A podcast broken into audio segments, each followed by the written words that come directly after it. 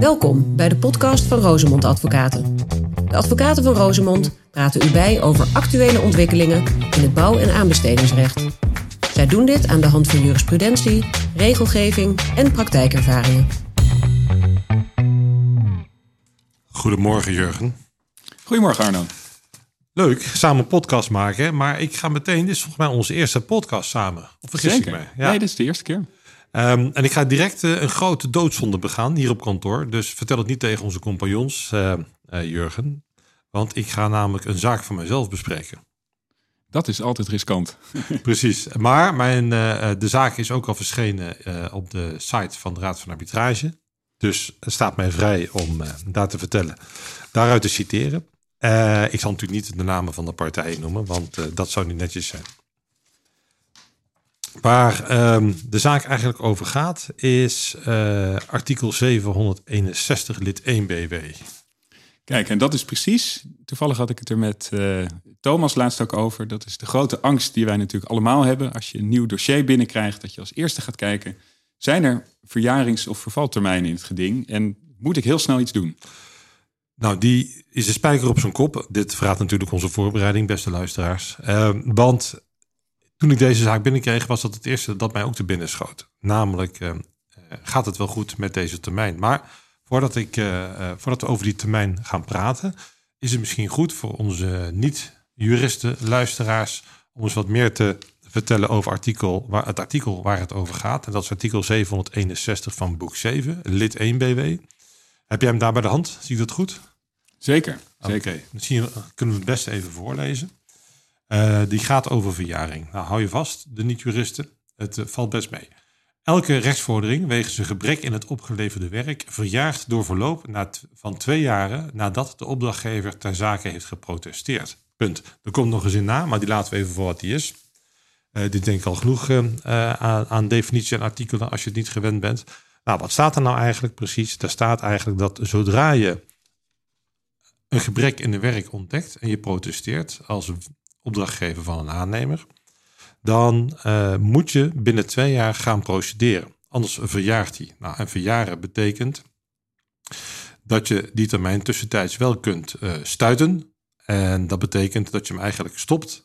En door middel van een reminder of anderszins, daar gaan we nu even niet op in, weer opnieuw laat lopen. Dus het is geen vervaltermijn dat je hem in één keer kwijt bent na twee jaar. Maar het is een verjaringstermijn. Dat is misschien wel belangrijk om even te benadrukken.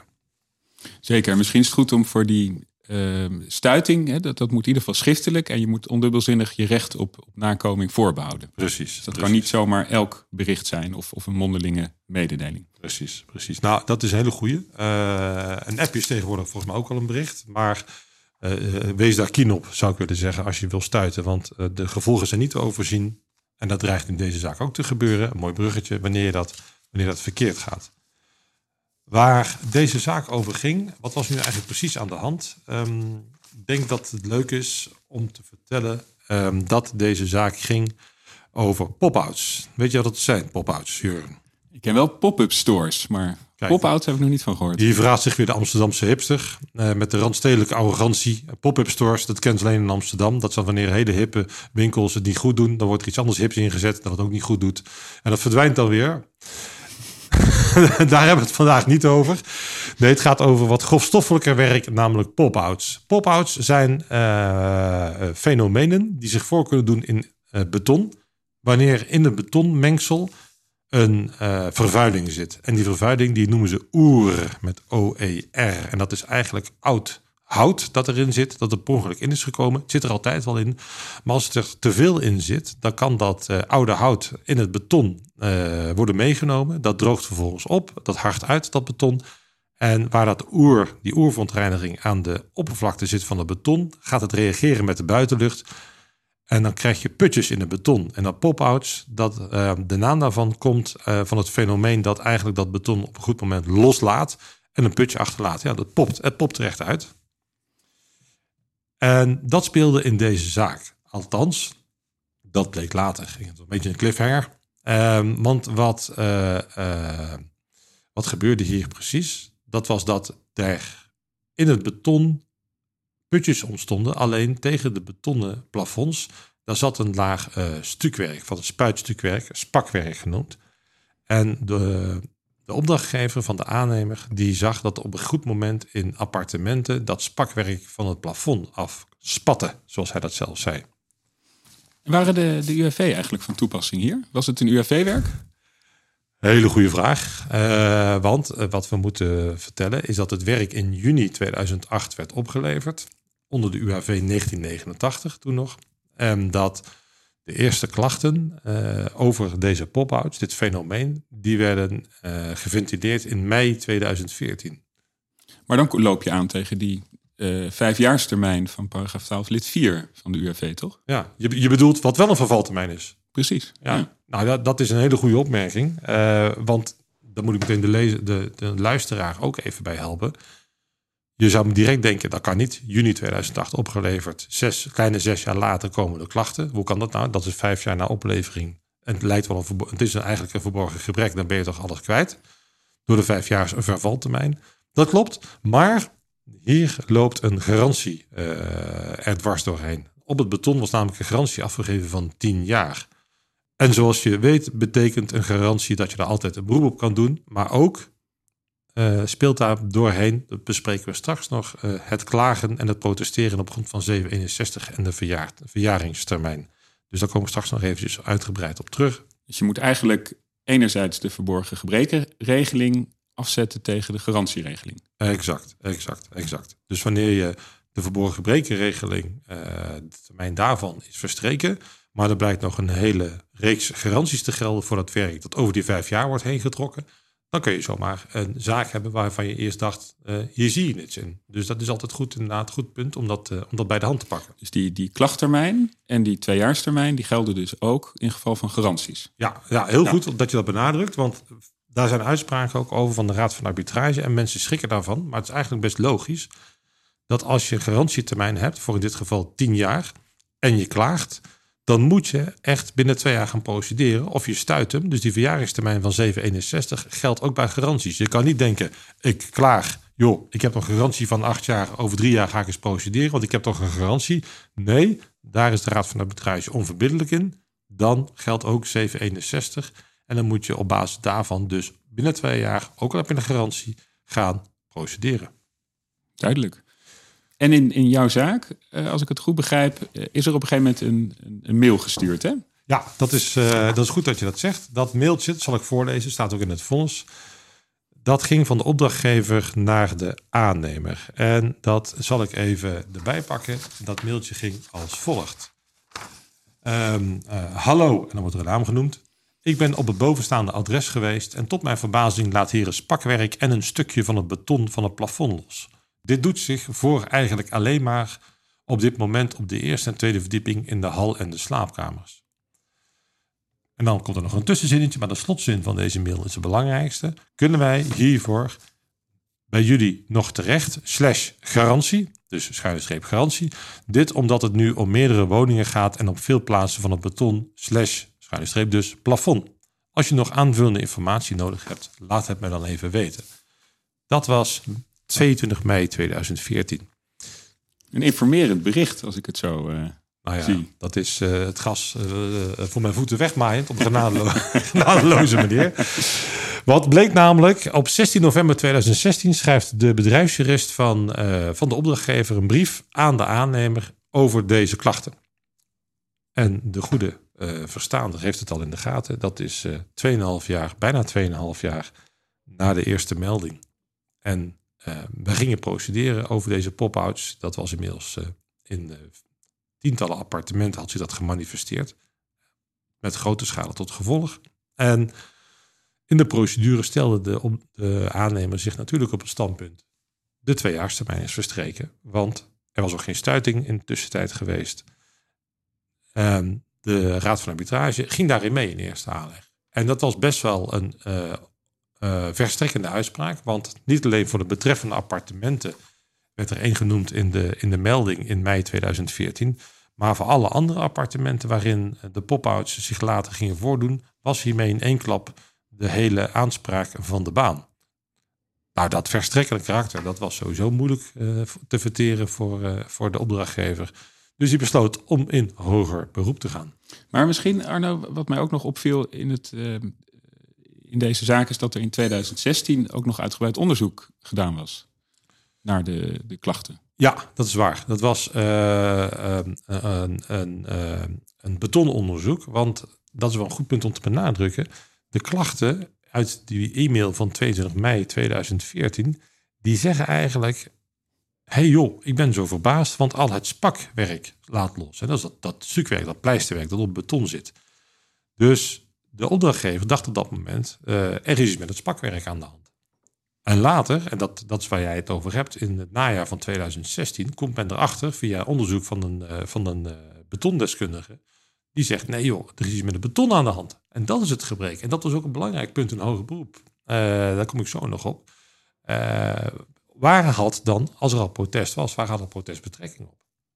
En dan meteen een bruggetje naar het hoger beroep. Waar ging het nou in het hoger beroep precies om? Nou, daar ging het eigenlijk om twee dingen, maar met name als eerste om de vraag: wanneer is er nu sprake van een protest in de zin van artikel 761 lid 1 BW? En dat is eigenlijk wat jij ook al zei. Jij zei die e-mail, dat lijkt eigenlijk meer een informerend uh, mailtje, een meldingje. Dat is inderdaad waar het in hoger beroep om ging. Uh, om dat aspect. En de opdrachtgever meende, deze e-mail is geen protest. En die knoopte daarbij aan bij een uh, uitspraak van de Hoge Raad. De Hoge Raad zei namelijk, en dat kun je ook terugvinden in het betreffende vonnis. Ik zal trouwens het vonnis even noemen. Dat is uh, nummer 72.262 voor de fijnproevers. We kunnen het ook in de show notes zetten. Kijk, jij luistert veel te veel podcast. in de show notes kunnen we dat zeker zetten. En, wat, um, uh, en dit, dat arrest van 11 juni 2010 van de Hoge Raad, dat, um, ook dat kun je terugvinden in het arrest, de vindplaats daarvan. Dus dat hele actie-nummer gaan we niet opnoemen.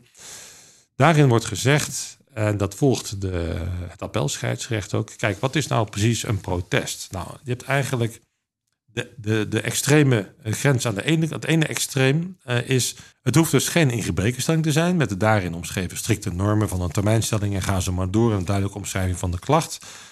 Maar het mag dus een uh, afgezwakte vorm daarvan zijn. Maar hoe afgezwakt kan dat dan? Nou, het moet volgens, de, volgens het appelscheidsrecht, en dat staat ook in, in het arrest van de Hoge Raad, meer zijn dan alleen het blijk geven van een teleurstelling. Dus uh, dat heb je, het moet meer zijn dan blijken van het blijk geven van teleurstelling, maar het hoeft toch geen ingebrekenstelling te zijn. Dus tussen die twee grenzen beweegt zich het protest. En het is vormvrij, hè? Het hoeft niet ja, uh, heel goed. Ja, heel goed. Het is vormvrij. Het mag op, op, op, welke manier je ook wil, als je maar kan bewijzen. Hè? En um, dan gaan we uh, kijken naar deze uitspraak. Dan zegt de, de Raad van Arbitrage van ja, als we naar die e-mail kijken, dat is inderdaad geen protest. En dat is een hele belangrijke. Want dat betekent, het is ook een uitspraak in hoger beroep. Uh, dus het staat nu al een beetje vast dat dit, uh, dat dit voor de komende jaren wel maatgevend gaat zijn, denk ik. Dat je dus deze twee grenzen moet je laveren voor de vraag: is er sprake van protest? Dan gaat het, het appelscheidsrecht gaat op grond van Haveltex, het beroemde arrest. Het beroemde arrest Haveltex gaat dan de Raad van Arbitrage uh, kijken of dit nou een protest was. En ze kijken goed naar die e-mail en die zeggen: ja, dit is eigenlijk meer het informeren naar de mogelijkheden of iets nog valt te herstellen. En dit is zeker geen protest. Nou, dat is natuurlijk een mooie uitkomst. Zeker ook gezien de verstrekkende gevolgen. Hè? Want als je die tweejaarstermijn laat verstrijken, dan uh, ja. heb je, is je, je vordering verjaard natuurlijk. Dat is ook een van de overwegingen geweest. Het is verstrekkende gevolgen, dus je moet daar extra kritisch op zijn. Uh, op beantwoording van die vraag of sprake is van een protest. En een ander punt uh, is natuurlijk dat uh, het gebrek eigenlijk pas na die mail uh, duidelijk werd. Ja, dat was het tweede anker waar de opdrachtgever voor ging liggen. Die zei in de eerste plaats, luister eens, er is geen protest. Dat is één. want kijk maar naar de be bewoordingen, het punt dat we net adresseerden. Het tweede anker waar de opdrachtgever voor ging liggen was... als het al een protest was, dan was het een protest dat betrekking had op het spakwerk. En het spakwerk, dat spatte van de plafonds af. Er zat af en toe een stukje beton aan vast, maar daar ging het protest over. En niet over het, wat later bleek, het echte gebrek, namelijk de pop-outs uit het beton. En dat is volgens mij uh, wel een valide punt wat jij aanstipt. Want en dat kwam ook aan de orde inderdaad in een zaak van de Raad eh, in december hè, 2021. Eigenlijk tussen de eerste aanleg en het hoger beroep. Over de bouw van een hotel. Waar inderdaad ook uh, steenstrips loslieten. Klopt, klopt. En dat is deze zaak. Uh, waar maar ook weer de show notes zullen we de de, de vindplaats noemen. Ja, dat was, dit, dit geschil had ook heel veel weg eigenlijk van, uh, van het geschil uh, wat dat we nu bespreken, uh, aan het bespreken zijn. wat gebeurde daar? Op een goed moment zegt de opdrachtgever: er laten steenstrips los van de voorgevel. En ik maak me zorgen over de veiligheid van, van de voetgangers, want het was bij de openbare weg. En hij zegt: Volgens mij moet jij aannemer alle steenstrips gaan controleren. En dat gebeurt 2,5 jaar later. Korte tijd daarna volgt uh, het rapport vergezeld van een sommatie aan de aannemer. En die zegt in de procedure: ook hier is de tweejaarstermijn verstreken. En ook hier moet de opdrachtgever dus niet ontvankelijk worden verklaard. En dan zegt de Raad van Arbitrage: nee, dat wijzen wij van de hand, want het structurele gebrek was ten tijde van de melding nog niet bekend. Pas toen je dat wist, heb je geprotesteerd en dan, uh, dan pas gaat, het, uh, gaat de verjaringstermijn lopen uit 761 lid 1. En dat is precies uh, wat dat betreft een, een, uitspraak die paste in het straatje van, dit, van deze appeluitspraak. Dat was ook precies waar de uitspraak in dit appel op aansloot. Was dat ze zeiden, inderdaad, uit interne stukken blijkt dat de opdrachtgever op een goed moment ziet, het, er zijn geen, het gaat niet om het spakwerk, maar het gaat om een beton dat loslaat. Er is ook een interne e-mail waarin staat de stukken eh, beton spatten zo ongeveer uit de woningen van de plafonds af. Hier moet echt iets gebeuren. Dan komt er een betondeskundige bij en die zegt: Ja, maar dit is, dit is geen spakwerk, dit is beton. Er zit, zit een verontreiniging in, die ik net besprak. Oh, die oerverontreiniging.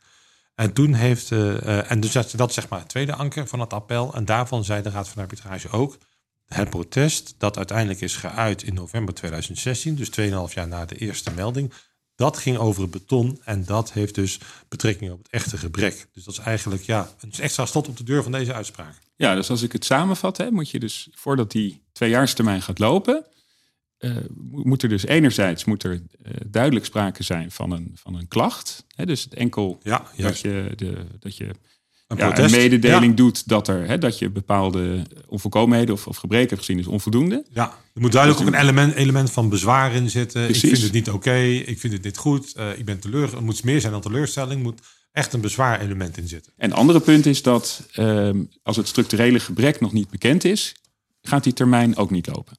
Exact, exact. En dan heb je natuurlijk wel wat om de hoek om kijken, maar dat gaat te ver voor deze podcast. Dat kunnen we misschien een andere keer doen kun je als opdrachtgever gewoon op je handen blijven zitten? Of moet je op een gegeven moment gaan onderzoeken: hey, er is hier, er is hier misschien wel een serieus gebrek. Dus dat, maar dat is, dat is voer voor, een andere podcast, anders gaat het, uh, gaat, het, uh, gaat het te ver.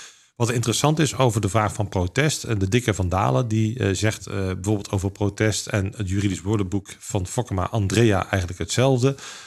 Eh, de dikke Van Dalen zegt een mondeling of schriftelijk verklaren dat men zich verzet tegen handelingen. Dus er moet echt een soort verzetselement in zitten. En Fokkema Andrea, het juridisch woordenboek, dat elke rechtsstudent op een gegeven moment maar gaat raadplegen als hij het ook niet meer weet. Dat geldt misschien ook wel voor advocaten. Die zegt over protest een rechtshandeling waarbij bezwaar wordt gemaakt tegen een gedraging. Nou, dan kun je wel een beetje inkleuren wat dan een protest moet zijn. En dat geeft een goed handvat voor, uh, voor, uh, voor, voor de beoordeling, die in dit geval dus voor die twee ankers allebei is gaan liggen.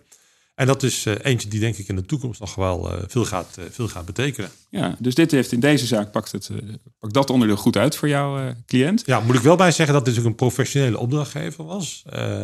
die regelmatig grote wooncomplexen laat bouwen. En een professionele bouwer. Klopt, en daar wordt, kun je van, hè, over het algemeen kun je daar uh, van verwachten dat ze dus ook iets sneller doorhebben als iets een. Of hè, van, daar kun je iets hogere klopt. verplichting opleggen eigenlijk. Ja, ja, ja, ja, Maar dat betekent dat dit was een, een tussenvonnis, hè? of een, een deelvonnis. Uh... Ja, dit was een tussenvonnis en deze, dit, dit is nu be, besloten. En nu gaan partijen verder procederen over de kosten. Ja, um, een aspect waar ik ook nog aan dacht, wat voor onze luisteraars ook van belang kan zijn, is dat dit natuurlijk in de relatie opdrachtgever-hoofdaannemer Juist, ja. Maar ook natuurlijk in de relatie hoofdaannemer-onderaannemer. Ja. En ja. Uh, toevallig ben ik een keer in een zaak uh, in de bouw van een uh, complex voor senioren tegengekomen dat er een en ander mis was met de lift. En zo stuitte ik bijvoorbeeld op de zogenaamde ALUP, of de ALIP-voorwaarden, ja. waar nogal, hè, waar eigenlijk artikel 761 veel verder beperkt is. Uh, daar wordt bijvoorbeeld al een uh, termijn gesteld van. Want het is volgens mij uh, geen dwingend recht, hè, 761. Precies, precies. Ah. Want ehm, eh, dat is inderdaad goed te realiseren. Dat je kan dus in een overeenkomst kun je daarvan afwijken. En eh, er zijn dus een aantal brancheverenigingen eh, die die voorwaarden eh, verder, hebben inge- verder hebben ingeperkt. Hè, die termijn hebben verkort. En dan zie je bijvoorbeeld in de Dat noemen ze, dat noemen ze niet opportunistisch, maar noemen ze, we gaan we pragmatisch met die termijn om. Exact, exact. en zo zie je bijvoorbeeld dat in de ALIP-voorwaarden een eh, rechtsvordering al verjaart na een half jaar. Oh, dus wauw. een half jaar nadat je geprotesteerd hebt. Kijk Als aan. je dan als aannemer niet ofwel de vordering gestuit hebt of eh, een, een En, dat kan dus gewoon. En dat kan dus gewoon. Exact. Dit kun je gewoon ja, afspreken. Klopt. Ja. Ja. Ja, en eh, zo'nzelfde bepaling komen we bijvoorbeeld ook tegen in de metaalunie-voorwaarden. Hè, daar is bijvoorbeeld ook de bekwame tijd. Hè, dat je moet binnen bekwame tijd na ontdekking van het gebrek moet je protesteren. Die is gelimiteerd tot 14 dagen bijvoorbeeld. Ook nog eens. Dus van belang, eh, zeker voor de hoofdaannemers, eh, hè, om daar eh, Ja, want dit, dit zijn natuurlijk voorwaarden die onderaannemers bedingen bij hun hoofdaannemers. in de regel. Nu, nu kun je deze voorwaarden natuurlijk ook met je eh, uiteindelijke principaal overeenkomen. Maar vaak zie je dat dit inderdaad tussen hoofdaannemer en onderaannemer geldt.